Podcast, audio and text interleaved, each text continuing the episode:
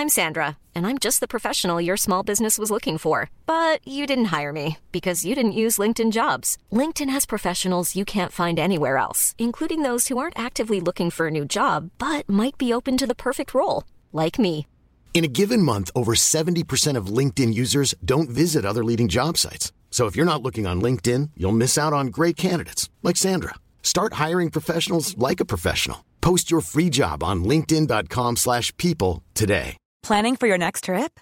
Elevate your travel style with Quince. Quince has all the jet-setting essentials you'll want for your next getaway, like European linen, premium luggage options, buttery soft Italian leather bags, and so much more. And is all priced at 50 to 80% less than similar brands.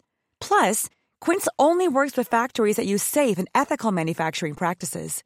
Pack your bags with high-quality essentials you'll be wearing for vacations to come with Quince. Go to quince.com slash pack for free shipping and 365-day returns.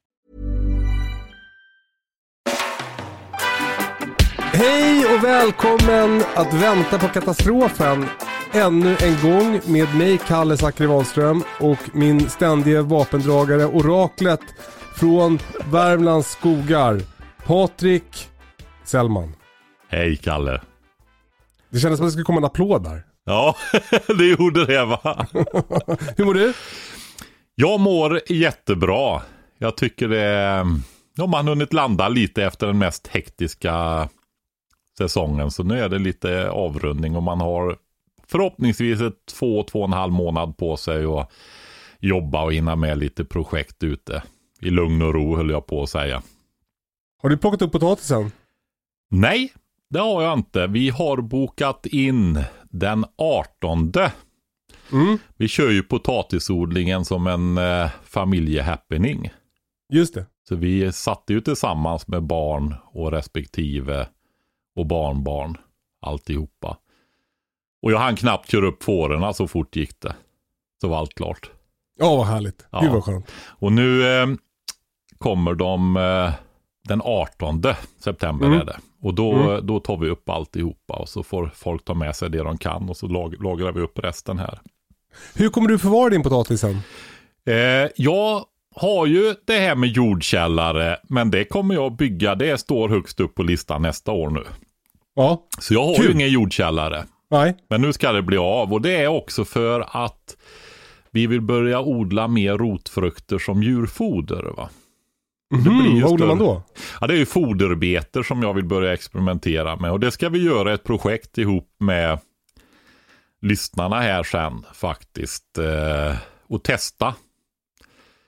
Eh, på det här med foderbeter var det går att odla och, och sådana saker och vad folk får för Alltså bygga kunskap kring det i småskalig odling. Som foder till eh, gäss, kaniner och sådana saker då va. Det är väldigt Spännande. energirikt nämligen så det kan i princip gå- som kraftfoder kan man säga va. Ja. Det är spännande, men du, du ska bygga en jordkällare. Ja, jag ska göra det, men det blir ju nästa år då. Så nu Ja. eh, kommer vi nog... Alltså det har gått bra med potatisen i år. Ehm, nej, alltså. Jag gjorde ett överslag. Jag tror inte det var allt för tokigt, men det kan ju krypa uppåt närmare ett ton alltså. Oj! Om det vill sig. Alltså någonstans, inte kanske upp till ett ton, men att det kryper däråt va. Och det blir ju mycket potatis. Hur många kalorier är det? Det är eh, tusen gånger 800, 800 000 ungefär. Du ser, det är inte mycket. Nej, Det är det klarar man sig inte på.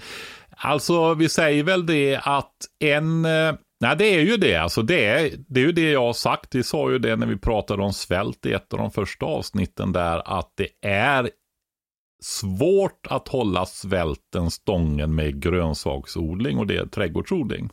Ja, Därför det är ju bönorna, spannmålen, animalier där du börjar komma upp i 2 till 3 500 kilokalorier per kilo. Hade det varit vete istället så hade det ju varit 3,5 miljoner kalorier. va? Ja, Ja, förstår du? Ett ton. Ja. Det, det är ett ton, det är ju liksom till en, eh, hela kaloribehovet och en massa annat också. Inte allt dock, men en massa annat till en hel familj. va? Mm. Totala kaloribehovet att hålla svälten borta i ett år. Ett ton. Och det är inte, eh, potatisen blir ju i princip till en person då, ett ton. Och det Ja. orkar man ju inte äta heller. Eh, är det du eller din hustru som eh, får potatisen då om, det, om svälten kommer? Delar ni? Du vet, vi har ju lite annat också, så det får ju rulla på som vanligt med potatis. Potatis är ju väldigt värdefullt eh, ändå. Det har Ja. vi pratat om tidigare, för det är ändå hyfsat med energi i det.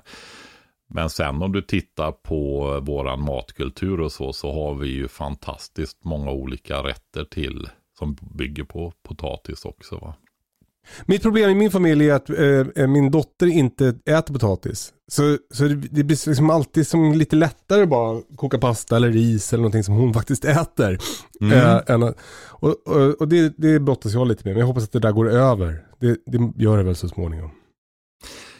Det kan det göra. Har du provat att göra olika rätter och sådär också då? Det, hon är väldigt eh, bestämd, så det är liksom konceptet potatis. Om hon ny, ny, liksom nosar sig fram till att det är potatis i, då vill hon inte äta det. Okej, inte mos ens en Mm. gång. Nej.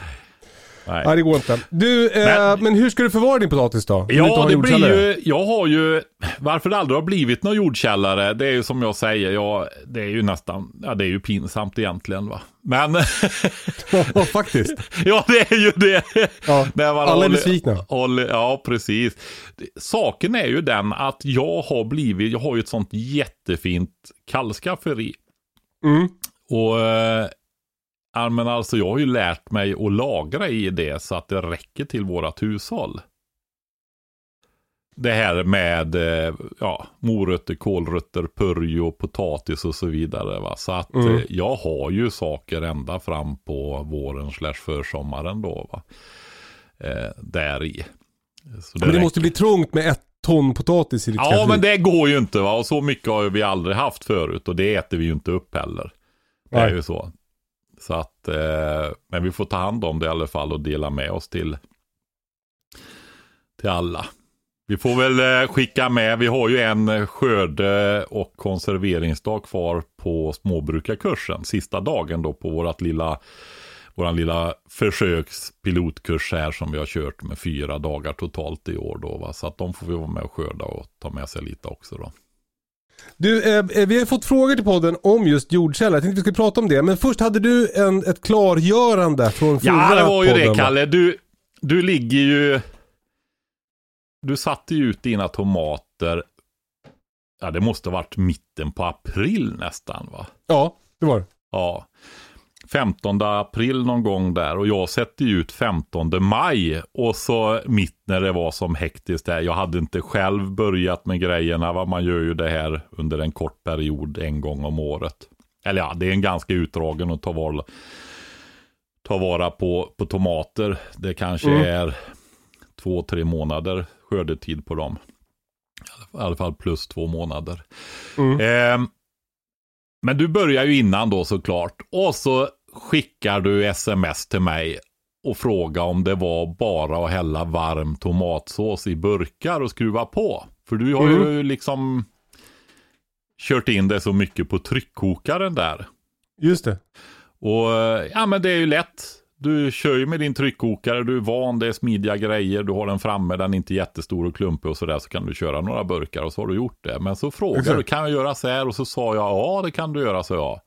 Mm. Men så är det ju inte riktigt.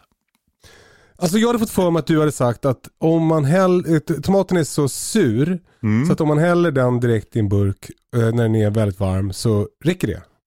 Alltså det är så här då, det kan räcka, men då behöver du ofta värma burkarna i ugnen eller hälla kokat vatten och så i dem för att sterilisera dem och locken innan då va. Mm. Eh, det, men om man ska hårdra det så är det ju så här att du har ju att du tryckkokar då kommer upp i ungefär 120 grader och kör Ja. en rejäl tid och får upp. Och det är ju en metod du använder på icke sura livsmedel som kött, bönor, många grönsaker och så. Ja. Majs blev väldigt bra så. Det gjorde det. Ja, svinbra blev det. Kul, det har jag inte provat. Ja, jättekul. Ja, och men nästa nivå då, det är ju att du kör i vanlig gryta i vattenbad. Och det är ännu enklare än med din tryckkokare som du har. För då kan du ha en smidig, större gryta. Så pass att du får plats med ett antal burkar i. Och så lägger du bara en handduk i botten. Så inte burkarna står direkt på botten. För då, när bubblorna kommer så står ju de och slår där. Och det kan nöta ut dem till slut då. Men där har du egentligen de här sura. Det jag kör i vanligt sjudande, lätt bubblande vattenbad i vanlig gryta. Det är ju just tomatsåserna. Mhm. Eh, ketchupen. Den typen, alltså tomat. Alla, alla typer av tomatsåser eh, såser och reduceringar och sånt där då. Och äpplemoset. Okej. Ja, och jag har ju väldigt lite socker i äpplemoset då. Och då måste man göra det för annars så... Ja, men alltså måste och måste. Du bättrar ju på dina marginaler då va. Men man kan säga det, har du Just de syrliga, då hjälper det lägre pH till att ha. Det är ju botulinumbakterierna som vi är ute efter hela tiden va. De får inte börja aktiveras va. Och har du då ett lägre pH, surare livsmedel, då räcker det med vattenbadet. Ja. Många människor har ju kört även de andra produkterna i vattenbad under långa tider. Men då har du sämre marginaler va. Just det. Och det går säkert bra för det mesta men du är inte säker va. Så att där rekommenderar man att köra med tryckkokare. Men sen kommer du till den tredje nivån då. och Det är ju när du gör sylter, marmelader, geléer, inläggningar och sådana saker. Med mycket socker. Ja, eller att du använder ättika och sånt och får ner pH mycket mer och salt och sådana saker. Va? Men framförallt de här sylterna och det där med höga sockerhalter. Då fungerar det att hälla i varma glas och skruva på locken. Vända på dem gör jag också så de står upp och ner då så att den här varma syltmassan kommer i taken också då. Alltså, Även på eller locken. locken, locken menar jag såklart. Burktaken, även kallade locken. Ja, det är så Du- bra att du hjälp, räddar upp situationen här hela tiden, Kalle. Ja, jag, jag, har ju provat lite olika metoder för att konservera mina tomater i år. Dels har jag gjort det här då som vi får se, det kanske blir skitdåligt. Men jag har så jävla mycket så det spelar inte så stor roll om det är några burkar som Ja, har men öppnat som annars så jäst. tar du ju bara dem och ställer. Ja, men jag, vet, jag kommer inte ihåg vilka det är. Nej, okej. okej. Eh, men, men jag har provat, eh, förra året så körde jag metoden att jag eh, först kör allt i ugnen med olivolja och vitlök och, och salt och lite socker. Och sen på en plåt liksom. Och sen eh, mixar det och häller ner i eh, burkar som jag sen eh, konserverar i tryckkokare. Mm. Men i år så har jag provat dels det sättet. Eh, det blir ju toppen. Men sen har jag också gjort så att jag bara tryckt ner hela jävla tomater i burkar och kört i tryckkokaren. Det blir också jättebra. Men då måste man ju stå och krydda den såsen när man sen tar fram den. Ja. Så, så det är ju lite mer jobb sen, men, men det är väldigt mycket mindre jobb nu. Ja, det är, man blir ju överväldigad nu när man eh, får ordning på tomatodlingen. Så, ja, men det väller in tomater kan man väl säga. Det är tomatfrossa. Ja, men jag har ju varit borta i två veckor nu också jagat. Och, och när man kommer hem till växthuset då, det, jag vågar knappt gå in där. Jag är liksom rädd att, att jag ska få en tomat i huvudet och dö. Du kanske inte hittar ut. Nej, exakt. Eh, men så, ja det, det är de olika sätten. Men jag, jag tror att jag kör på med min tryckkokare. Det är så jävla, jag vet att det funkar liksom. Ja. ja, alltså det finns ju en aspekt som jag inte tror att vi har pratat om. Och den är väl enkel, men kanske inte så enkel heller. Det är ju det här med tider och temperaturer kontra näringsämnen. Alltså hur... Alltså det här med att värma är ju en form av bearbetning som påverkar också. Du har ju näringsämnen som de vattenlösliga vitaminerna till exempel. Speciellt C-vitamin är ju väldigt känslig för uppvärmning. va. Mm. Så att man förstör ju man förstör ju mycket av C-vitaminet när man värmer länge och mycket då. Va? Så är det ju. Så Ja, hur ska man göra då? alltså, jag vågar inte gå in på detaljer för jag är inte har, jag har ju läst detta givetvis genom åren, men jag är ju inte aktuell och instuderad på det just nu. Va? Men det skulle kunna vara så att det finns en anledning att ha, alltså det är ju långa tider oavsett om du tar vattenbad eller tryckkokare då. Va? Ja. Ja, 45 minuter, 30 till 45 minuter för att vara ordentlig då. Va? Men om du höjer temperaturen dessutom så borde det ju rimligen skada C-vitaminerna. Som du gör i tryckkokaren då så borde ju rimligen C-vitaminerna skadas ännu mer. Jag skulle kunna tänka mig att det är kört med båda, tempera- båda metoderna egentligen när det är så lång tid. Eh, vi får se om jag börjar tappa tänderna i, i vinter. Ja, men du har ju potatis med. Den innehåller ju också C-vitamin. Ja, men det vill inte Essa äta så det, det får jag ju inte i mig. Nej, men du får ju äta. eh, Okej, det var klargörandet. Eh, eh, så gör eh, så med era tomater. Nu tillbaka till jordkällare Patrik. Ja, Kul. Eh, för du ska bygga en, så jag gissar att du går i tankens tider. Att du går och funderar på det här med hur du ska göra din jordkällare. Vi har fått ganska mycket frågor till podden. Jag tänker att du kanske läser ganska mycket. Jag tänker att du kollar på YouTube. Jag tänker att du funderar och antecknar och sådär. Eh, vi har fått många frågor om det här. Men bland annat från en som heter K-Fett och en som heter Viktor Karja. Eh, Viktor Karja skriver, hur varmt kallt ska det vara i en jordkällare för att, ska kunna förvara, för att man ska kunna förvara typ potatis och morötter och så vidare. Och eh, K-Fett skriver, hur bygger man, renoverar i en jordkällare? Taket har ramlat in och jag ska göra ett nytt. Hur? Vi tar det från början tycker jag Patrik. Hur ska man göra när man ska bygga en jordkällare?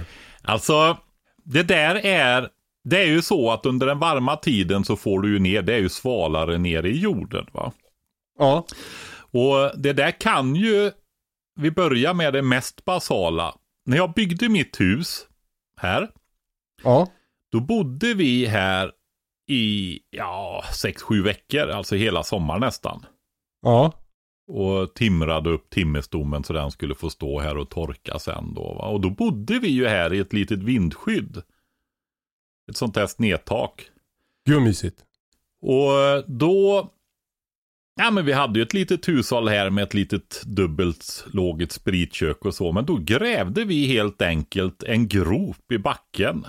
Eh, på ett ställe som var skuggigt dessutom då, så inte solen låg direkt på. Och så la vi ett lock över. Och där förvarade vi mjölkprodukter och sådana saker. Och även penicillin faktiskt, för vi eh, hjälpte till med en ko som hade fått juverinflammation. Då. Mhm. Så eh, just detta att bara gräva sig in i en slänt eller till och med rakt ner i backen så sänker du temperaturen dramatiskt. Det är ju det. Är det en stuka? Nej, det är det inte. Nej. En stuka är mer att du vid en större odling lagrar. Eh, ofta lagrar man ju ute på odlingsytan då. Eh, kan ju flytta den också givetvis till din trädgård eller någonting sånt där. Men det är ju att du lägger upp en lång smal hög på en plats som är relativt väldränerad. Kan gräva undan yt, yt du, gräver, eller du, du gräver undan ytjorden också och lägger åt sidan. Och så täcker du hela den här långa åsen eh, utav rotfrukter. Även vitkål går att använda. Och så lägger du halm över alltihopa som isolering och skydd. Och du kan även lägga på någonting uppe på som eh, hjälper till med att ha ett litet lätt tak längst upp då. Men du behöver också ha någon form av eh, ventilation, rör eller någonting som går ner till de här livsmedlen som ligger där nere då. Va? Och så täcker du över med den där jorden som du grävde undan också. Så du packar ihop och skyddar på det viset. För det är ju så här att de här livsmedlen, de lever ju. Så det pågår ju en cellandning där och det bildas fukt och koldioxid. Men också lite värme. Så man kan ju alltså tänka sig att förvara den här typen av livsmedel till exempel på en balkong.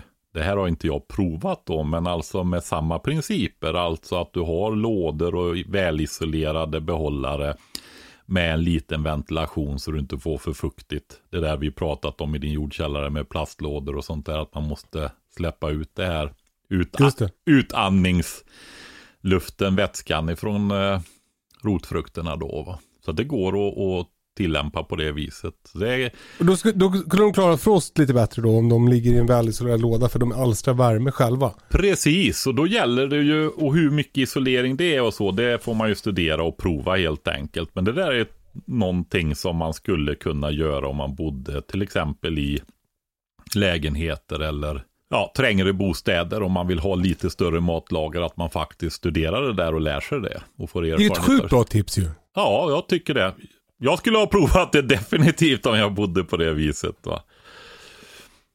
Tänk då en stor lår ute på balkongen och med olika fack i där du har som är välisolerad då. Eh, eh, men men eh, vi kom bort från, eh, det var jag som hade glömt bort vad stuka var, jag ber om ursäkt för det. Men Ja. och det här hålet du har grävt. Det är kul att du nämner det, för när jag var och jagade älg nu, där på, då bor ju vi väldigt, vi bor i tält. Ja, Eh, och- men vi har som en lägerplats dit vi återkommer, vi har ett dass där och så här. Men då har vi också grävt nu en ölkyl. Och det är ett Mm. hål eh, med ett, en vägtrumma, alltså ett, ett stort plaströr med, vad kan det vara, 60 cm diameter som är nerkört. Och där firar vi ner vår öl så att den håller sig kall. hur djupt är det hålet då? Vad kan det vara? 1,20 kanske? Mm. 1,30? Ja. Det är ju en klassisk, antingen med eh, de här kulvertrören eller med eh, cementringar. Just det. Och gör du ett isolerat lock på det där också. Och det har vi. Ja, och se till att inte det här kan fyllas med vatten då. Alltså på en högre belägen plats eller där det är väldränerat. Ja, så inte det blir en brunn istället sen. Va? Ja, precis, för det är en liten brunn. När det regnar och sånt där. Nej men alltså du kan ju tänka dig att du hissar ner hinkar och staplar olika grejer och har och du kan hissa upp dem här sen. Va? Så det är ju också ett enkelt sätt att göra en, en jordkällare på. Det, det här är ju, det är ju svinbra ju. Om det känns övermäktigt att bygga en jordkällare så gräv ett jävla hål. Mm. Det kan vara ett potatishål, ett morotshål, ett purjolökshål. Ja, eller om du gör ett som är lite större så du får plats med alla grejerna där i. Mm. Syltburkar. Det är också som eh, eh, en liten en skattjakt sen att gå och hissa upp alla grejerna. Mm. Eh, Okej, men så det är principen för en, en jordkällare. Det ska vara under marken. Ja, Det ska har vara svalt på, på sommaren och det ska vara frostfritt på vintern. precis. Den jämnar ju ut temperaturen. Helt enkelt. Så att man kan säga att det värmer på vintern och isolerar på vintern och kyler på sommaren då. Ja. Jag funderar ju på vad är det jag vill kunna göra med min jordkällare och hur mycket vill jag förvara? Alltså hur stor ska den vara och hur ska den vara uppdelad och sådär. För jag vill ju dels kunna flytta ut större förråd av konserver då, alltså sådana här egen tryckkokade eller vattenbad eller syltburkar och sånt där och förvara där också. För där har du ju låg temperatur, alltså svalt, kallt och mörkt. Ja. Och det bättrar ju på hållbarheten på allt sånt här. Va? Ja. Så är det. Däremot ska man ju tänka då på att en jordkällare som är konstruerad för potatis och rotfrukter och sådär, den är ju fuktig också. Mm. Så det är ju inte lämpligt att förvara större mängder av torrvaror om det inte är helt lufttäta påsar och sånt där då. Och då är vi ju på mylar helt enkelt om det ska vara det. Va? Just det. Och Men- även lök är inte så bra för att vara jordkällare. Nej, precis. Inte lök. Däremot purjolök är ju Mm. bra. Ska vi ta det snabbt då? Kan du, ta, kan du hålla det på en minut Patrik? Hur förvarar man sin purjolök? Då tar du en hink och så lägger du lite sand i botten. Och när du skördar purjolöken så tar du inte, skär du inte bort rötterna. Eller åtminstone inte alla rötterna utan du lämnar, säg i alla fall 4-5 centimeter kvar utav rötterna. Och sen kan du alltså ställa purjolöken, du kan packa hinken stående full med purjolök då. Va?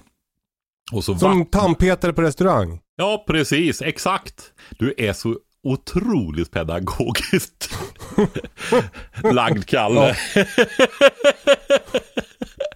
Ja. men precis. Och sen eh, ser du till att vattna i den här så inte den här sanden i botten torkar ur. Då håller de här sig fräscha jättelänge. Möjligtvis liksom att något yttre blad kan gulna lite och torka lite. Men det är ju bara att riva av det va. Hur har det gått jag... för dig? För du har ju prövat det här nog tror jag nästan i två år nu va? Mm, ett, ja, en säsong har jag provat att, att förvara purjolök. Uh, och jag, jag har liksom lite dåliga nyheter kan man säga. Vattnar du inte? Nej, jag glömde bort att vattna och då, då, blev, då torkade den ju och blev rätt deppig. Däremot så hade jag också, jag fick så fruktansvärt mycket purjolök i fjol. Så jag hade också en hög med purjolök som bara låg på gräsmattan bredvid mitt eh, trädgårdsland. Ja. Som snöade över och som bara, du vet, den bara låg där. Och den var, den var riktigt bra faktiskt hela vintern. Mm. Däremot, den, vissa, vissa ruttnade ju. Och eh, vissa liksom, yttre blad blev muggiga. Men då kan vi också bara skala bort. Absolut. Så, så det verkar gå ganska bra att förvara purjolök bara vind för våg i trädgården. Alltså ett av dem, om, det är ju så här, det är lite sort, eller mycket sortberoende också. Du har det som kallas för vinterhärdiga sorter och det gäller både grönkål och purjolök framför allt då. Mm. Men då kan man ju bara låta dem stå i landet. Ju. Ja, det hade varit mycket bättre om du inte hade lagt dem på gräsmattan där. Va? Ja. Utan hade de fått stå kvar så hade du kunnat ta upp dem till våren här nu. Va? Ja, det skulle jag gjort. Och hade du låtit dem stå kvar i landet fram på våren, försommaren, då hade de gått i blom. Mhm. Hade kunnat ta frön. Precis, då hade du kunnat låta det där gå. Så hade du kunnat skörda purjolöksfrö på sensommaren, hösten där sen. Ja, coolt. Eh, nu kommer vi bort från ämnet igen. Eh, tillbaks till jordkällan. Som av en händelse. Mm.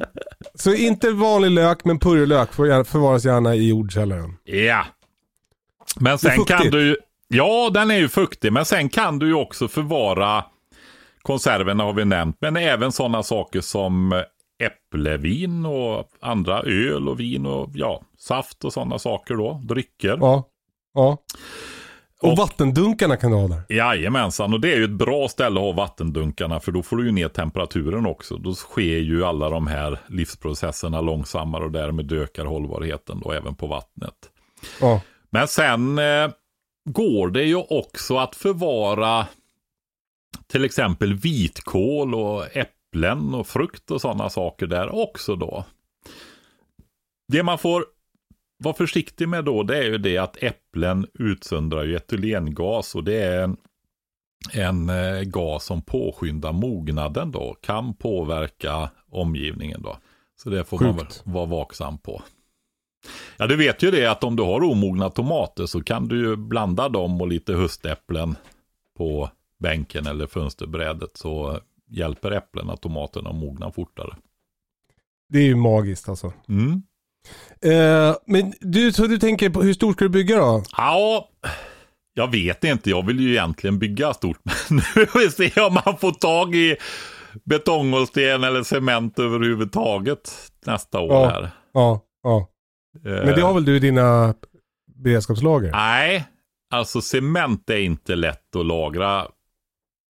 Det har jag ju redan när jag byggde huset här så har man ju lite betong i fundament och sådana där grejer under huset. Och, eh, och under min stora tällstensugn. Mm. Och det håller inte länge innan du har en stor klump med betong alltså. Så cement är ju en färskvara kan man säga. Mm. Så det är svårt. Däremot betongålsten då. Men det har jag inte några jättestora lager heller. Det lekablock? Mm, det fungerar ju också. Ja, det finns ju typ. kommit modernare grejer. Det finns ju nästan legobitar att bygga av också nu för tiden. Just det. Betonghålsten är när man lyfter ett lekablock och det är jättetungt. Då är det en betonghålsten. Ja, så kan man säga. Ja. Eh, men eh, hur stort är stort då? Ja, 15-20 kvadratmeter kanske. Mm. Kul. Mm. Och det, det, är som jag sa så här att det är ju en beredskapsgrej då. Om, jag har ju berättat det förut att eh, jag har ju förberett en plats för fler människor än mig och min hustru. Mm. Och eh, är det så att man vill höja produktionen då? För många människor. Två ton potatis. Ja, det blir nog ännu mer då i så fall. Va? Och då Ja. också när det gäller eh, djurfoder då. Jag pratar ju om foderbetor. Så att det där är ett, jag har gammalt foderbetsfrö här. Men det är inte så lång hållbarhet på det fröet. Mhm. Och eh, det här var någonting som jag tänkte göra för knappt tio år sedan. Men det blev aldrig av. Jag tittade på att odla mer energi och just foderbeter är så bra just för att det är det som du kan odla som ger mest energi. Alltså kalorier per kvadratmeter. Det slår till och med fodermajs där du ensilerar hela majsplantan, kolv och skälk och allting. Va? Mhm. Så eh, att man inte använder det mer, det beror ju just på att det är så hög mekanisering och det kräver egna maskinlinjer. Och så bra är det inte att det rättfärdigar de här inköpen av maskiner för mellan en halv och en och en halv miljon, va, som de kostar många jordbruksmaskiner idag. Men Mm. däremot på trädgårdsnivå, där du kör med mycket med handredskap och så vidare, så har ju det ingen betydelse. Det är ju snarare så att där är ju foderbetena, de är ju stora och rejäla och väldigt lättskördade på manuell nivå. Va? Just det. Och det vill man ju lagra i jordkällare eller stuka då, va? beroende på mängden. Eh, just det. Så då, då eh, det är 15-20 kvadrat tänker du. Och då, då kommer du att gräva den eller? Ja, jag kommer ju, ja det blir det. Jag gräver här och lägger undan eh, jordmassorna då och sen bygger man upp det här och täcker isolerar. Du gör ju den vattentät först då. Hur gör det? Ja, det är ju antingen så har du mattor, typ platonmattor som är eh, plastmattor som du klär in den i. Och den, Ja, sådana här knottriga svarta Ja, mattor. precis, för det gör också att det blir en luftspalt närmast. Ja. Eh, och sen kombinerar man med eh, asfalt helt enkelt. Som man, Asfalt. ja, du rollar ut asfalt. Varm eller kall asfalt för att täta också då. På. Det gjorde man ju, Mm. gör man ju även på tak vet du. Just det. Ja. Alltså takpapp. ja, typ så. Som du asfalt, asfalttak då. Tror det var vanligare förr då. Men nu måste vi bli lite mer pe- pedagogiska Patrik. Du, Mm. du gräver en, en slänt då. Du gräver ett stort hål. Ja, precis. Jag gräver Med in. en, en maskin som du hyr in. Ja, det gör jag. För jag kommer inte att gräva det själv. Det är, för, det nu, det är jag för gammal för.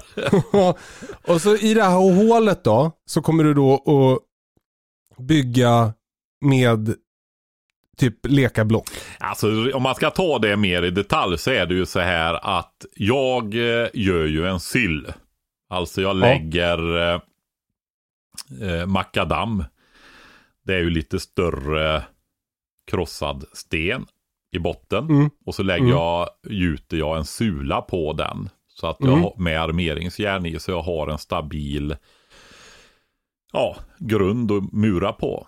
Och Mm. sen eh, utanför den så lägger jag ju en dränering också. Så att jag inte riskerar att få för mycket vatten och översvämningar in i jordkällaren då. Just det. Men jag gör inget cementgolv i jordkällaren. I alla fall inte över hela ytan. Man skulle kunna tänka sig att man gör en eh, jordkällare i vinkel för att kunna ha till exempel äpplen och drycker och sådana saker i en del då. För där krävs ju inte riktigt samma höga fuktighet då. Va? Och så får det andra där du har mer öppet golv, jordgolv singelgolv. Där, där har du rotfrukter och sådana saker då. Ja, smart. Mm. Och sen, Och på den, här, på den här sulan ja, så murar du sedan upp en konstruktion. precis. Och eh, det som är sen är ju taket då, hur man gör Ja, det undrar man ju över. Ja, och eh, det går ju att gjuta ett tak, men det blir ju väldigt tungt då va. Då får Ja. du ju sätta ordentligt med stöttor under.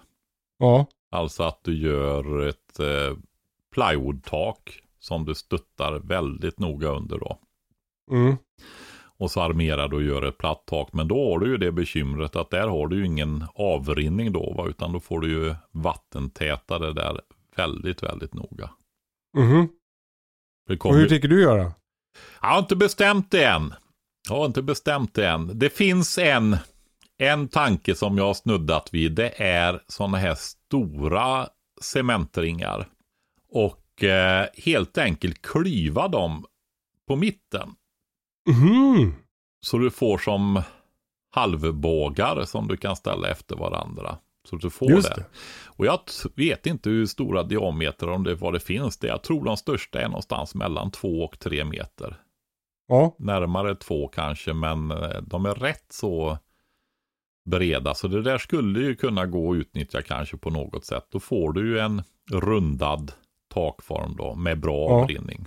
Men ja, det Just är det. bara liksom en eh, ja, tanke. Det jag har inte undersökt än om den är möjlig och hur, hur det är gjort och hur man skulle dela dem utan att de spricker och få dem på plats för de är ju tunga och ja, det finns ju. Det är alltid för och nackdelar med allting. ja, men jag tänker att om du, om du ändå går de tankarna, då skulle du kunna gjuta eh, takmoduler eh, moduler vid sidan av och sen lyfta på. Mm. Ja, det går ju att göra på jättemånga sätt alltså. Alltså om du vill undvika det där platta taket så kan du ju i, kan du bygga en, en vinkelformad eh, eh, form som du sen gjuter i. Ja, alltså. Du vet att det, det rinner ju iväg betongen så det är ju inte så lätt. Va? När de gör sådana här runda grejer då har de ju speciella vibrerande formar och sånt där. Va? Så Mhm, att de mhm. gjuter dem ju stående. Om du gör ett tak och det är lutande så visst man kan ha väldigt torr, torrt, torr betong då så att det liksom är eh, väldigt lite vatten i. Men det är inte lätt att göra det alltså, att få ett, en lutande, för det vill ju flyta neråt då va. Ja men om du gör en tät form så då är det bara att fylla den och när den är full så är den full.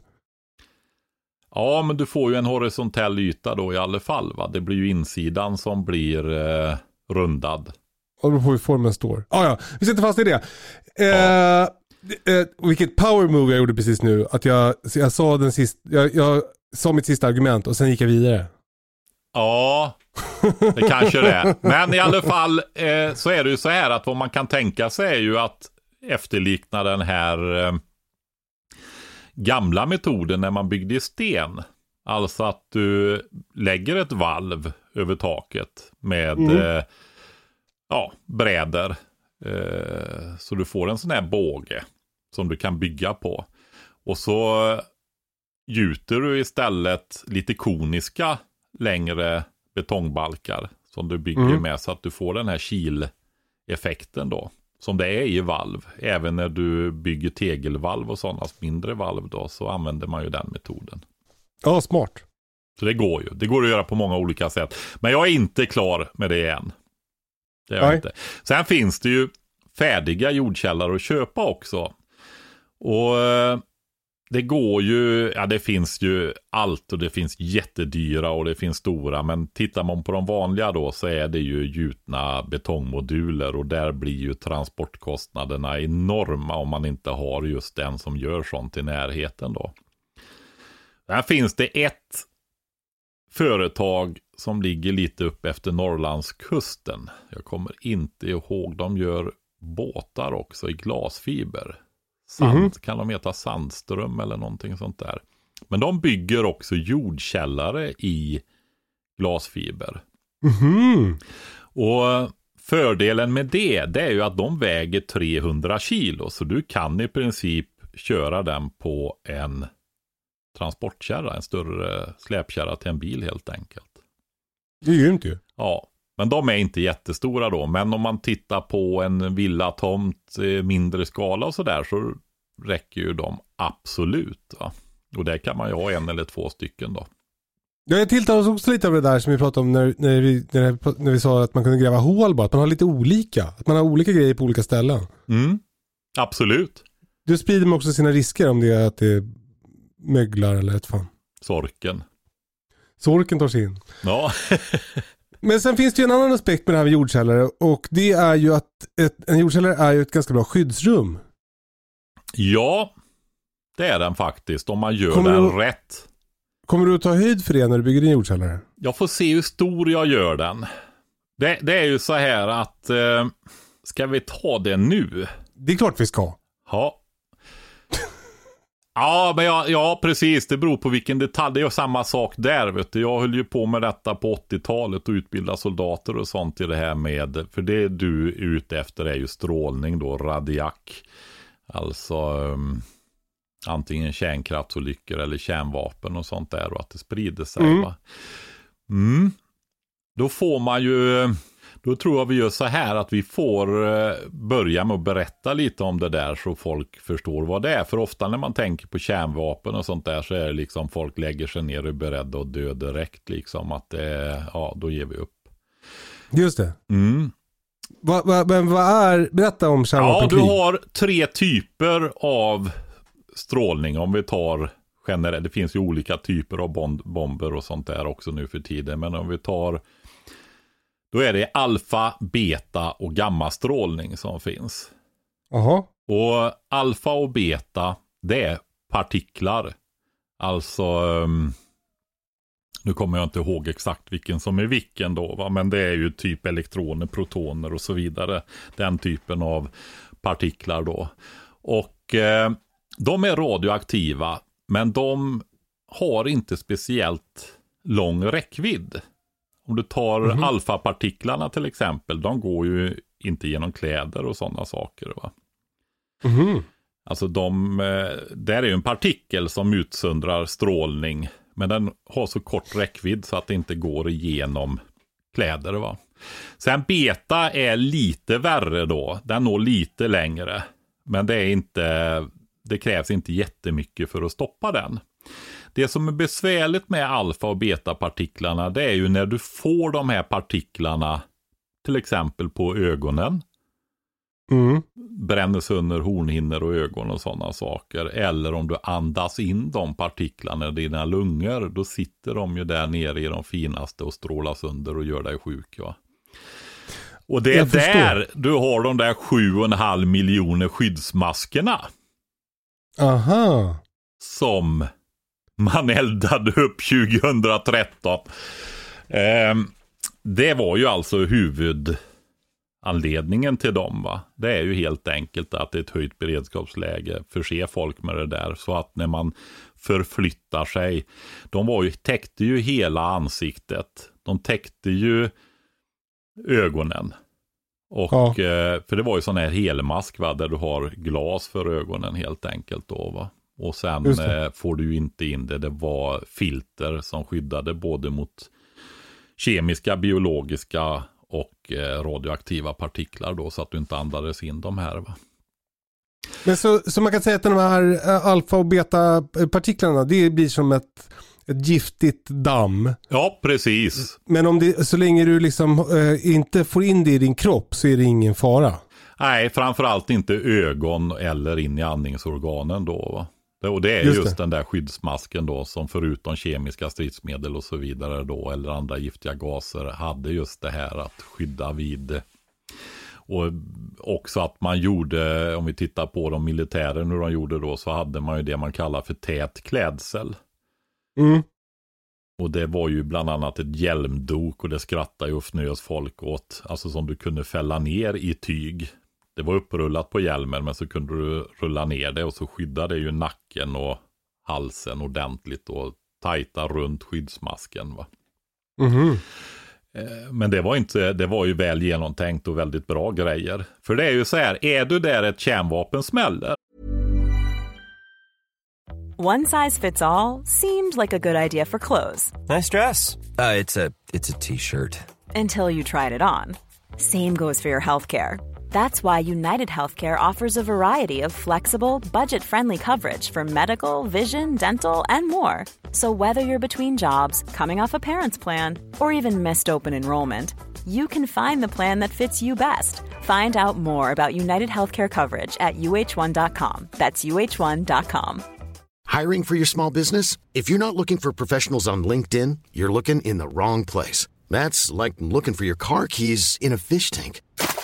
LinkedIn helps you hire professionals you can't find anywhere else, even those who aren't actively searching for a new job but might be open to the perfect role. In a given month, over 70% of LinkedIn users don't even visit other leading job sites. So start looking in the right place. With LinkedIn, you can hire professionals like a professional. Post your free job on linkedin.com slash people today.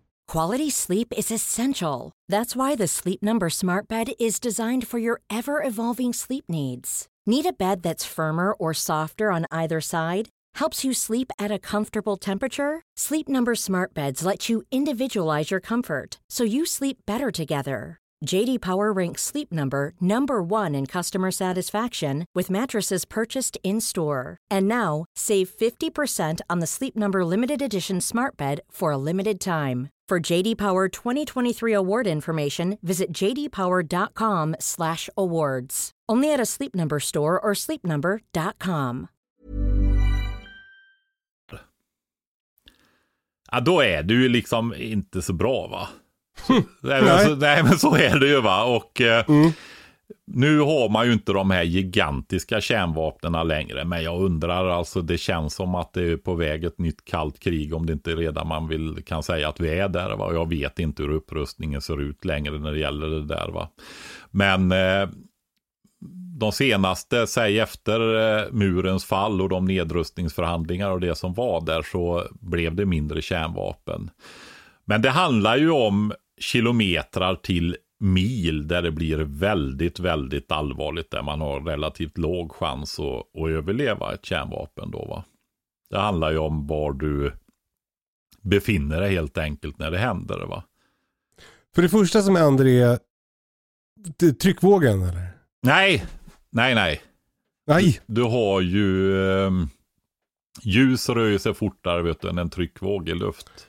Ja, just det. Ja, så, så det händer. Och sen beror det ju på om det är en eh, brisad uppe i atmosfären eller om det är en nere vid marknivå då. Den vid marknivå rör ju upp mycket mer damm. Och då har du ju det här som vad ska vi säga, drabbar de flesta människor och som är det som du faktiskt aktivt kan göra någonting åt. Och det är ju de här dammolnen då som är upprivna i atmosfären, de här molnen som är så klassiska för kärnvapen. Och då eh, driver ju de med vinden. Mm. Så då eh, kan du ju få detta på det och där är det väldigt, väldigt bra att ha skyddsmasker så att man kan ta sig ur sådana områden som blir eh, radioaktiva då med de här partiklarna framför allt. Mhm. Men sen, och de här har ju en massa, så de här faller ju till marken. Och det som är, vad ska vi säga, kan man använda ordet bra här då, en fördel, är faktiskt att de har snabb halveringstid. Det Mhm. är därför de är så radioaktiva också. Det frigörs ju energi va, när de sönderfaller. Och eh, nu ska vi se om jag kommer ihåg rätt här alltså. Men du har Ja, det här är jag osäker på. Men du har alltså väldigt, eh, det, det, ja, jag ska dra i nu, men det får ändå vara med stora situations, situationstecken runt och eh, jag får kolla upp det och återkomma om det är väldigt fel. Jag för mig att det är en procent kvar av strålningen efter lite drygt två dygn. Mhm. Men en procent kan ju vara väldigt mycket om du är på fel ställe va? Ja. Ja. Men går det då ytterligare drygt två dygn, då har du ju en procent av en procent. Alltså en Då, tiondels då börjar det bli promille. mindre. Då börjar det bli mindre, men det kan fortfarande vara alldeles för mycket. Och när Mm. man pratar om för mycket när det gäller radioaktivitet så kan man tänka sig då att man har en intensitet. Hur kraftig är strålningen? Mm. Men sen har du ju också hur lång tid är du exponerad för den här strålningen då? En dos. Mm. Så att eh, ha, vet man vad intensiteten är, alltså hur stark strålningen är, så kan man ju då utifrån det också göra en bedömning hur länge tål jag utan att det blir allvarliga skador. Ehm, och sådär va. Men om vi går över till, de här då är ju så att är du inne i hus och sånt och det inte har möjlighet att komma in alfa och betapartiklar i huset så är du ju skyddad från dem va. Stäng alla ventiler. Ja, precis då. Men då kommer ju det nästa då. Då har du den här gammastrålningen. Nej! Det är där vi kommer in på jordkällan. Typiskt. ja. Jag ska få, få säga en sak till när det gäller de här partikelstrålningen då, alfa och beta där. Och det är ju det där att när vi hade det här som en del i vårat försvar, när vi byggde våra skyddsrum, när vi utbildade våra värnpliktiga förband, de här 800 000 på att kunna agera och hantera det här. Så på varje kompani så utbildar man kvartermästare eh, och upprätta, och vi på jägarförbanden, vi fick lära oss det ända ner på plutonsnivå faktiskt. Eh, på de mindre, alltså när vi pratar 40-tal man då va. Eh, kompanierna var 150 till 250 man kan man säga. Men där hade de kvartermästare så att de kunde alltså, när folk kom då ut ur sådana här områden, så hade de ju de här partiklarna på sig överallt va. Mm. Men de hade ju förhoppningsvis då kunnat skydda sig med ögon och sånt. Och eh, då gäller det ju kunna sanera det här utan att man får i sig i ögon och eh, andas in, byta utrustning, tvätta utrustning och så vidare. Alltså saner Mm. saneringsplatser då. Det är därför man ser på filmer att de spolar av varandra med vatten. Ja, det, det är ju ett sätt att tvätta av det då. Jag vet inte vad du associerar till där. Om det kan ju även vara kemiska. Eh, men det är saneringsmedel också, inte bara vatten i det där då. Va? Mhm. Mm. För annars så ligger det där dammet kvar på, på dina grejer och på dina kläder och fortsätter att stråla. Och då kan, du få, då kan du få i det igen och då blir det farligt. Ja, precis va. De är ju med där. Du har ju lyckats skydda dem. Det är Ja. lite som diskussionen med munskydd nu mot virus va. Det gäller ju att kunna använda det där munskyddet också så man inte får runt med händer och tar av och på sig och vänder fel och ja du vet så här och så är det ju samma sak där då va. Men då går, vi, nu, nu lämnar vi då. Det gäller alltså att kunna göra ren sig. Mm. Om du har blivit utsatt för det här dammet och partiklarna och tar dig in i ett skydd, då har du ju burit in de här grejerna i skyddet. Va? Dålig idé. Dålig idé. Så i de här alla skyddsrummen som fanns, staberna i bergrummen och alltihopa så här, så hade man ju slussar in.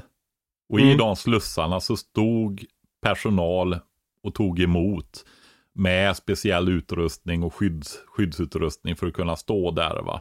Och folk fick klä av sig och duscha och så vidare och ta på nya kläder som var i nästa rum och så fick de gå in fräscha i och sätta igång lednings och planeringsarbete och så vidare och då börja fungera i staben där. va. Mm. Mm. Så var det upplagt där. Eh, gammapartiklarna då, det är ju inga... Nej, nu sa jag fel. Det är inte gammapartiklar, för det är just det att det inte är partiklar, utan det är gammastrålning. Mhm. Du kan tänka dig som ljus, Mm. fast de kan gå igenom som röntgenstrålar typ. Va? Mhm. Och eh, du, du vet det att det är ju märkligt det här liksom att om du tittar på en vägg till exempel Mm. så är det nästan bara hålrum. Mm. Det är väldigt lite egentligen som är materia och partiklar och så vidare. Mm. Utan det är ehm, Det sitter liksom ihop med hjälp av två krafter som Alltså vi har ju fyra krafter som eh, fysiker förklarar världen med än så länge. Va? Och de lägger ju mycket tid på att försöka hitta kraften, alltså att hitta teorier och kunskapsbildning runt omkring för att kunna beskriva världen och hur den fungerar utifrån en kraft. Just det. Men idag har vi fyra. Eh, och det är bland annat stora och lilla kärnkraften då. Det är de som håller ihop partiklarna då. Jag kommer, det är också så här du vet, man hörde, har hört någon gång för 30 år sedan. Om man komprimerade jorden och tog bort allt hålrum så skulle det liksom bli en boll på 12 meter i diameter eller någonting för att få Mhm. perspektiv. Va? Eller en, en atom, då är det liksom mittpricken där man gör avsparken. Alltså inte cirkeln i mitten utan pricken i mitten. Mm. Som är materian och resten är liksom elektronbanor och sånt där. Just det. hela fotbollsplanen. Just det. Och då är det Ja, så här med... det där med ba banor är också ut, ut, utdaterat tror jag. Nu är det mer som ett moln av elektroner. Om jag har förstått rätt. Vad sa du nu? Eh, Alltså den där bilden av en atom med en punkt i mitten och elektroner som far runt den i, i som planeter runt solen. Det, den är, det, det, det är en förenklad bild som, inte, som man inte håller fast vid längre. Utan nu, Ja, men pratar man- alltså du vet väldigt mycket av eh, sånt som man lär sig i naturvetenskapliga grundstudier och sånt där. Det är ju Newtons mekanik och så vidare. Sånt där. De är ju inte, vi har ju bättre. Det stämmer inte. Ja, ja, men de är fortfarande tillräckligt bra och användbara. Därför lär man ju sig dem. Va? För att förstå på grundnivå. Du får ju fortfarande lära dig den atommodellen och sånt där. Du kan ju gå ner på kvantar och väldigt abstrakt. Men samtidigt så är ju den här klassiska atommodellen med valenselektroner och hur de kopplar ihop sig olika atomer till molekyler och sånt där. Den är ju fortfarande otroligt bra och fungerande ändå. Va? Sen kan du gå Mm. djupare i kunskapen, men då får du gå upp på partikelfysik i, på högre nivåer och sånt där. Då. Men, men man kan väl säga så här också att egentligen vad är det som händer när vi pratar strålning? Du har ju det även i kärnkraftverken. Det mesta utav energin vi använder på jorden här, vi människor, den kommer ju från solen va?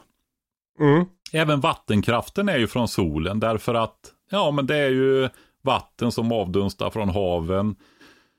I molnen förs in över land, regnar ner uppe på höjder och får en hög lägesenergi som vi kan ta vara på sen i vattenkraftverken när vattnet rinner ner mot haven igen. Va? Mm. Eh, solinstrålning, alla biobränslen, även fossilbränslena är ju gammal solenergi för det har ju varit i livet i biosfären förut. För det är ju gamla växtdelar och sånt, va? alger, skogar Mm. och sånt Mm. som är fossila bränslen. Då. Så det är också solenergi fast den är lagrad sedan hundratals miljoner år. Då. Men däremot kärnkraften är inte solenergi. Vill man förenkla väldigt mycket så kan man säga att det är att skapa en typ av, för att man pratar om fusion och fusion då. Eh, solen drivs ju av kärnenergikrafter. Och Kommer du ihåg den här klassiska ekvationen som man ser i alla serier, eller nej, inte alla, men i många serier eh, då va? E lika med mc kvadrat står det ofta så ska det liksom vara krångligt då va? Just det. Den känner du igen den? E lika med m gånger c i kvadrat. Mm. Och det, det är faktiskt eh, grunden till det här. Och det, vad det betyder är att, och det är, är Einstein, men detta är inte relativitetsteorin som många tror då. Men det är energin är lika med massan. Vi kan säga vikten då för att eh, hur mycket massa är det i materien där då. Gånger ljushastigheten i kvadrat. Mhm. Du vet alla sådana här hippisar och riktiga flummare och så vidare som pratar om att vi är energivarelser och så vidare. Mm. Men de har ju helt rätt. Mm. Materia är energi va? Alltså en, en eh, vad ska vi säga, materia är ju materia men du kan göra energi av materia. Så att när man kör ett kärnkraftverk, vad man gör då är att man gör om materia till energi. Så när du tar allt som läggs in i kärnkraftverket, allt uran och sådana saker som är där, så kommer det ut mindre materia. Det är alltså inte koldioxid eller något som går upp i luften eller vattenånger eller någonting som omvandlas till någon annan materia, utan materian är försvunnen och omvandlad Herregud. till energi.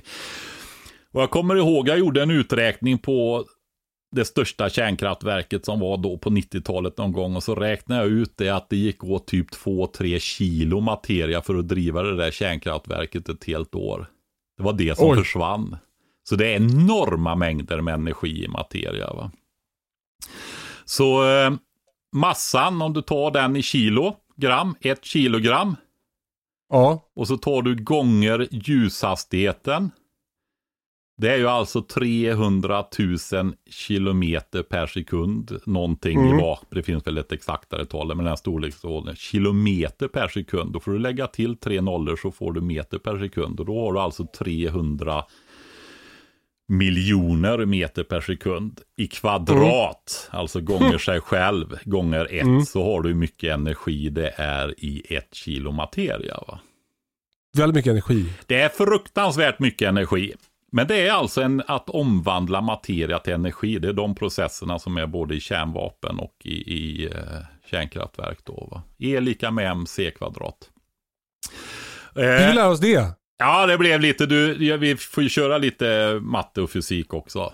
Men eh, det är lite grann för att förstå vad det är som händer i alla fall då. Men den här gammastrålningen som sagt var, den går ju som ljusstrålar rakt fram Ja. men den stoppas ju inte av en vägg som solljuset gör. Men får jag fråga då Patrik, om en vägg är mest hålrum, Ja, hur kommer det sig att ljuset inte går igenom den?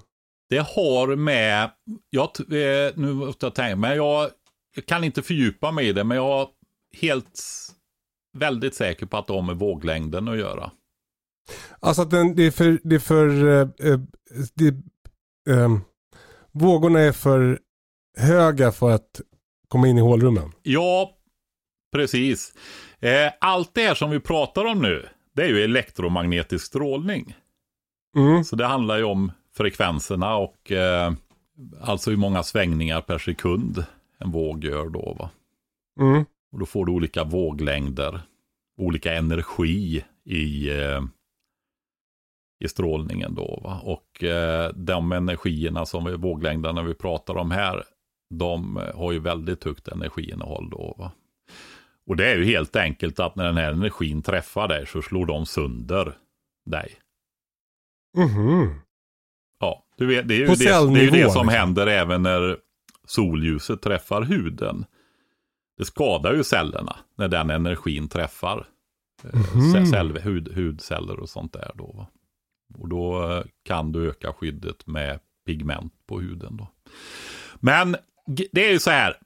Gammastrålen fortsätter tills den stöter på något riktigt fysiskt. Den kan gå i de här hålrummen och då handlar det om hur täta är materialen. Vet du vilket material det är de använder så mycket inne i kärnkraftverk och sånt där för att skydda för strålning och sånt?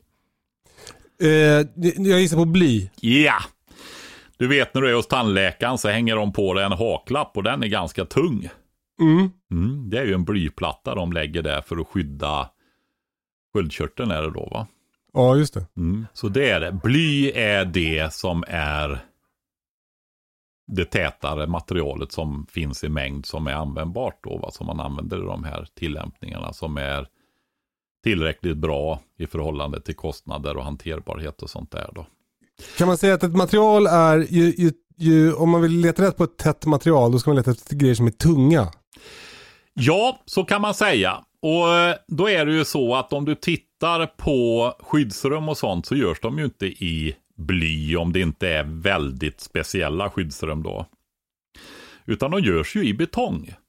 Ja. Och betong är oerhört eh, tätt det också, men inte alls som bly. Det är helt okej tätt. Mm. Ja, det beror ju på hur tjockt det är. Hur tjock väggen är. Ja. Men nu är jag ju som vanligt oförberedd för du bara hittar på grejer hela tiden, Kalle. Men Alltså bara så, att ni, bara så att ni är med på det, eh, ni som lyssnar. Att Patrik hade ingen aning om att det var det här vi skulle prata om idag. Allt det här drar han ur sin kunskapsryggsäck. ja, alltså man får ju då, man måste ju ha en förståelse och veta också när vi pratar under de här premisserna att det kan bli detaljfel också då. Så är men det. Men, eh, stämmer. när man hade, vi hade ju en lagstiftning och har faktiskt fortfarande om att när man bygger lägenheter och bostadsutrymmen och så vidare så ska man egentligen bygga skyddsrum där. Mhm. Och eh, om jag inte minns helt fel så var det 30 centimeter Men då är det ju massiv betong. Då får du inte ha betonghållsten eller lekakulor med lite puts på. Utan då ska det vara gjutna 30 centimeter. Och det var ju ofta källare på skolor eller på lägenheter och sånt där då. Va? Om man tittar mm. de som byggdes på 50, 60 och kanske 70-talet också då. Va? Kanske ända in på 80-talet. Och inne i, eh, de fanns ju även, eh, kunde ju vara byggnader uppe på ytan då som var gjutna. Eh, som stod i ett bostadsområde där man skulle kunna ta skydd. För vad det handlar om det är ju när de här molnen kommer och du är, när det gäller sån här strålning då, mm. då avtar ju den, den utgår ju ifrån själva källan.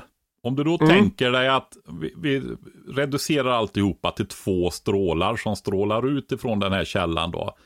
Mm. Strå, att strålar ju strålar åt alla håll då, precis som solen. Och när du, ju längre bort du kommer, ju längre blir avståndet mellan de här strålarna. Va? Är du med? Mm. Mm. Mm. Det förstår jag. Ja, och tänker du då när det gäller solljus så blir ju solljuset svagare ju längre det är på avståndet. Och när du tänker gammastrålning så minskar ju den här intensiteten, alltså mängden energi. Det är ju kanske till och med bara en av de där strålarna som träffar dig då, enkelt mm. uttryckt. Mm. Va? Mm.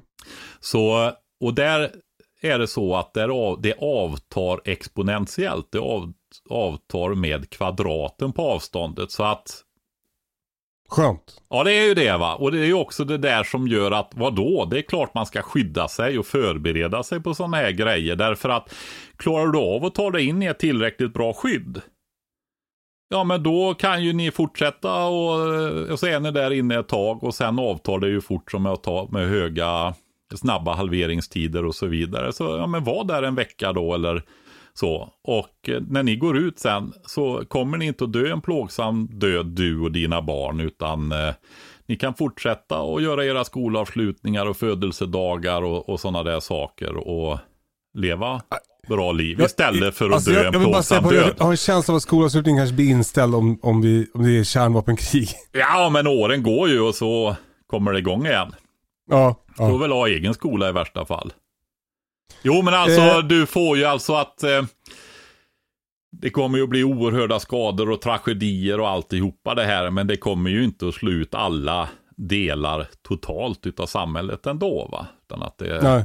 Eh, så, så, är det ju inte. Men, men så om eh, man skyddar sig mot strålningen, 30 cm betong skyddar mot gammastrålningen? Ja, men alltså det beror ju på avståndet då.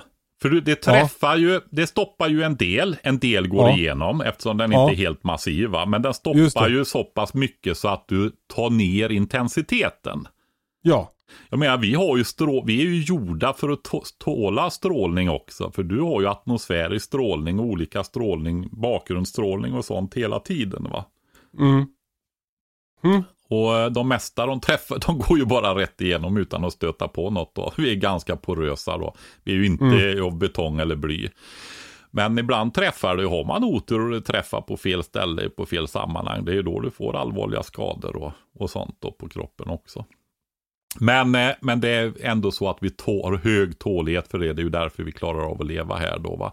Och då ökar ju den här strålningen i de här fallen. Men då gäller det att få ner intensiteten. För då kommer du utsättas för mindre dos över tid. Mm. Ja. Och om man, det där med 30 centimeter, det är ju alltså en, alltså 30 centimeter betong. Jag vet inte hur stora laddningar det ska vara, hur nära för att det här ska hålla. Men eh, om man tittar på de här gamla bilderna från Hiroshima och så vidare, där allting bara är en platt yta så är det ju tydligen så att det var väldigt enkla huskonstruktioner som faktiskt blåste omkull. Va? Mm. Där har du rejäla betonggrejer och är bakom betonghus och så vidare så har man chans att klara sig relativt nära beroende på storlek givetvis då va. Eh, kärnvapendetonationer också men då gäller det att ta sig ur området sen så man inte får för stora strålningsskador då va.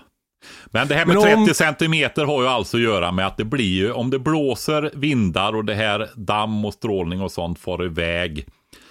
Eh, så är det ju så att de största ytorna som drabbas, de är ju en bit ifrån va. Mm.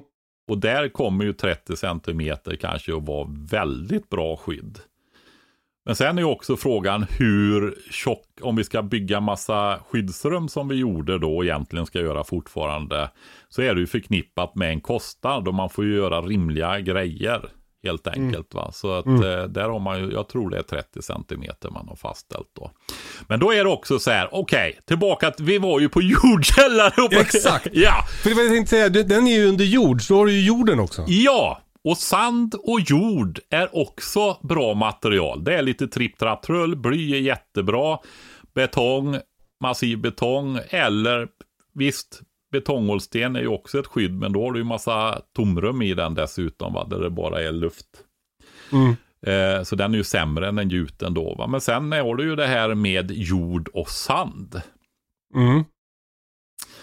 Och eh, det funkar också väldigt, väldigt bra. Vi under det här kalla kriget då med kärnvapenhotet och så vidare så var det ju så att vi skulle ju lösa uppgifter. Och hade du, vi hade ju intensimetrar, alltså mätinstrument för att mäta hur kraftig strålningen var. Om man hade dosimeter, så var man post, för då måste du ju vara exponerad och stå upp och titta. Då fick man ha dosimetrar och då ackumulerade de, de plussade ju på strålningen så att du fick en dos då va. Då kunde man mäta dosen och då fanns det olika nivåer beroende på hur intens, intensiv strålningen var då så kunde man ju stå kortare tider då va. Så man inte fick för höga doser. Mhm. Är det sådana som knarrar? Ja, Geigermätare? det är ju intensitets... Ja, de kan vara kombinerade dosimetrar och intensimetrar faktiskt också då. Men eh, när den utrustningen vi hade då på 80-talet, den var ju intensimeter 21, om inte jag minns fel. Du vet, det är alltid ett nummer och så. Ja. Ja, GRG modell 48.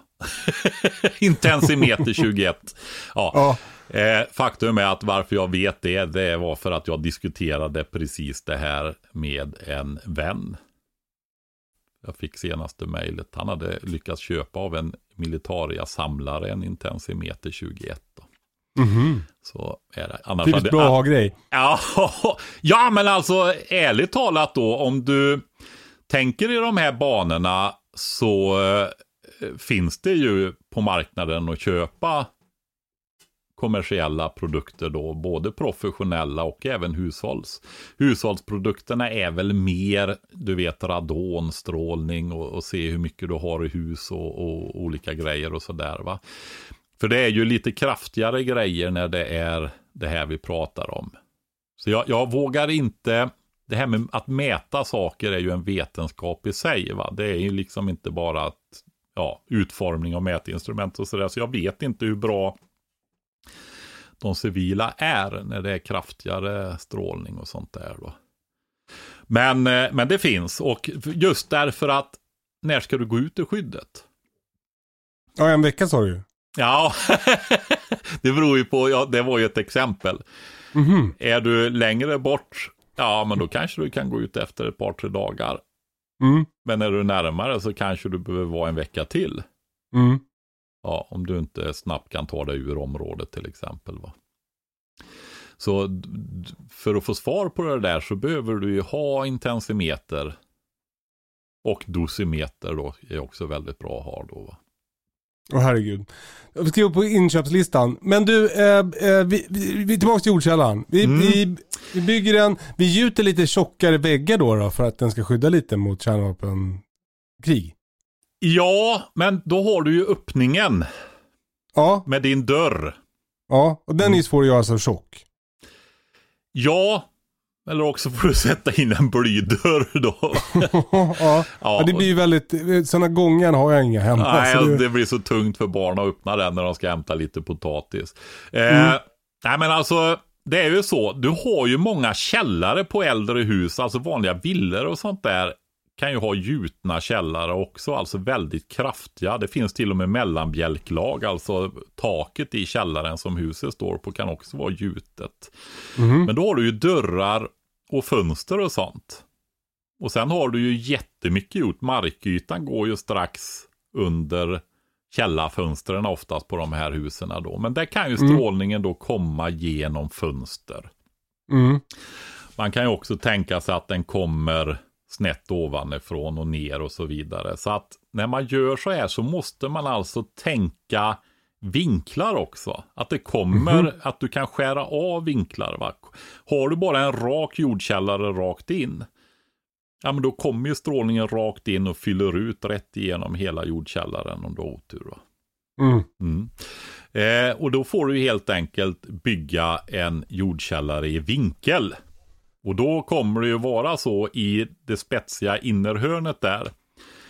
Så kommer det ju att komma strålar och där måste ju då den bli tillräckligt. Tänk er raka linjer. Om du tar ifrån ena dörrkarmen och skär emot det hörnet där så kommer det ju att gå igenom ganska mycket strålning där precis i hörnet där det inte är så mycket material. Va? Mm. Och så Mm. ju längre in tills det blir 60, 70, 80 centimeter tjockt då va. Studsar strålningen någonting? Eh, du tänker som med speglar.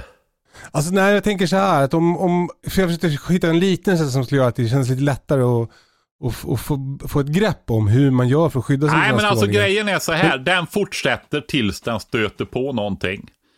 Och då, absorb- skadas ju den partikeln där all den här energin kommer. Ja, Men då liksom absorberas ju det av de partiklarna som blir träffade av den här strålningen. för jag tänkte man skulle göra en liten så med ljus. För vi pratade ju förut om att det var som Ja. en, Men ljus är ju andra våglängder och bete sig på ett sätt då. Men det, det som är gemensamt med ljus är ju att det inte är en partikel. Alltså man, eh, jag har inte materia. Man, för att Nej. förklara ljus i olika sammanhang så eh, beskriver man ju det ibland som partiklar, alltså fotoner, och ibland som våglängder då, va? Nu pratar olika färger och sånt där. Så att man behöver både det.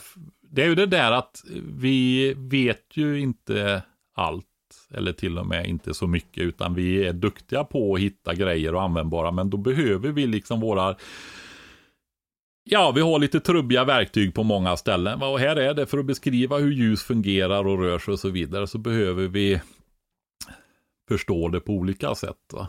Det är ju det som när jag pratar om bisamhället. Vet du. Det är ju massa insekter och så vidare. Men så är det egentligen bara en individ. Och vi behöver, för att förstå oss på bisamhället så måste vi se det som en superorganism. Alltså att det är Ja. ett, ett djur. Va?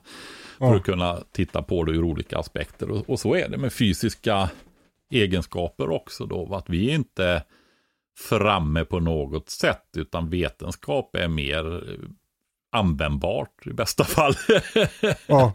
att det går att, förklara och förstå grejer med det. Men det kanske inte är den perfekta beskrivningen.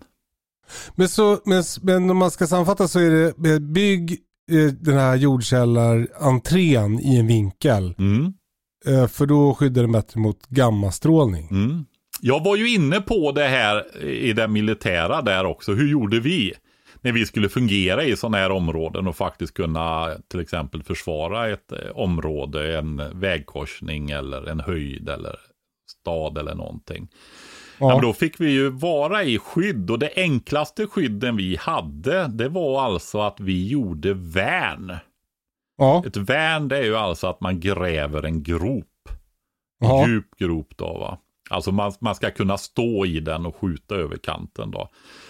Eh, men så gjorde vi den i vinkel.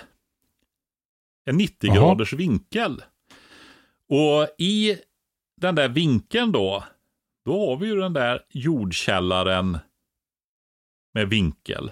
Så då kom det ju in bakom massa jord och så la vi stockar över den här utgrävningen i vinkeln där.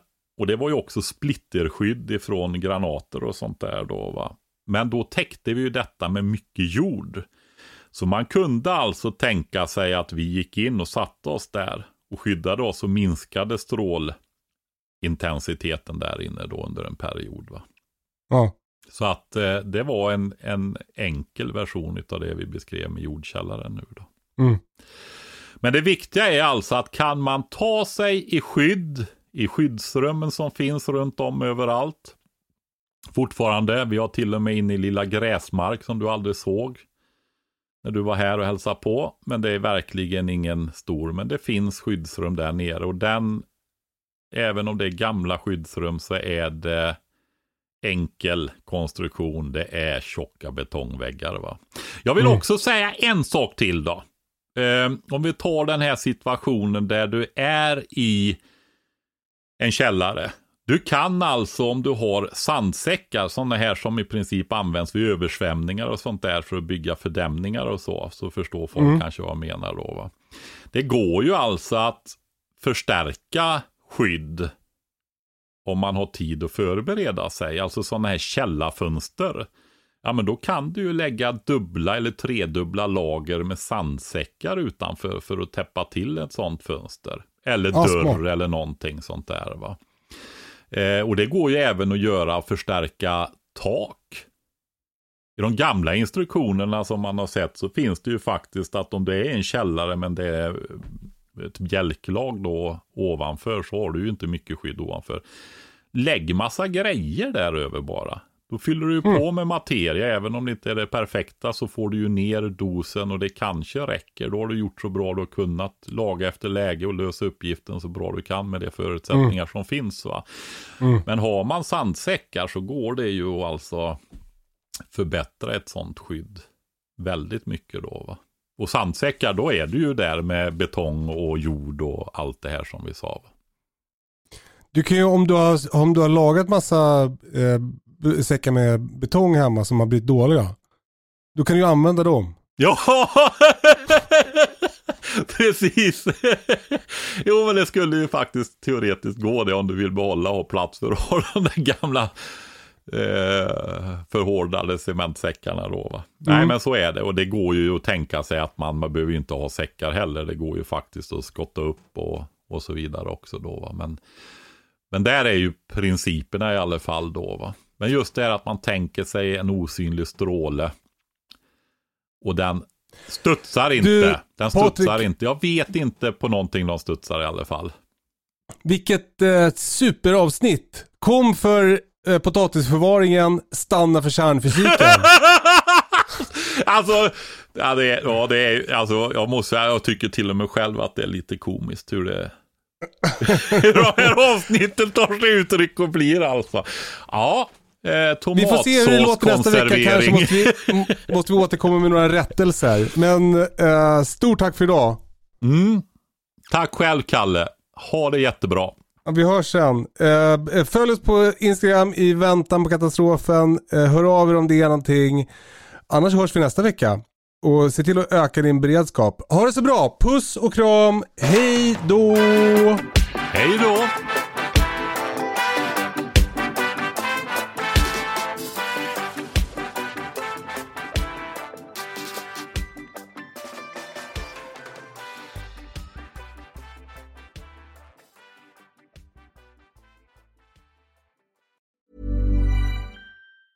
Planning for your next trip?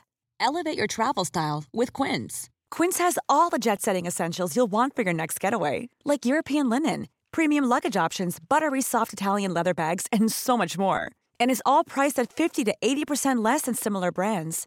Plus, Quince only works with factories that use safe and ethical manufacturing practices.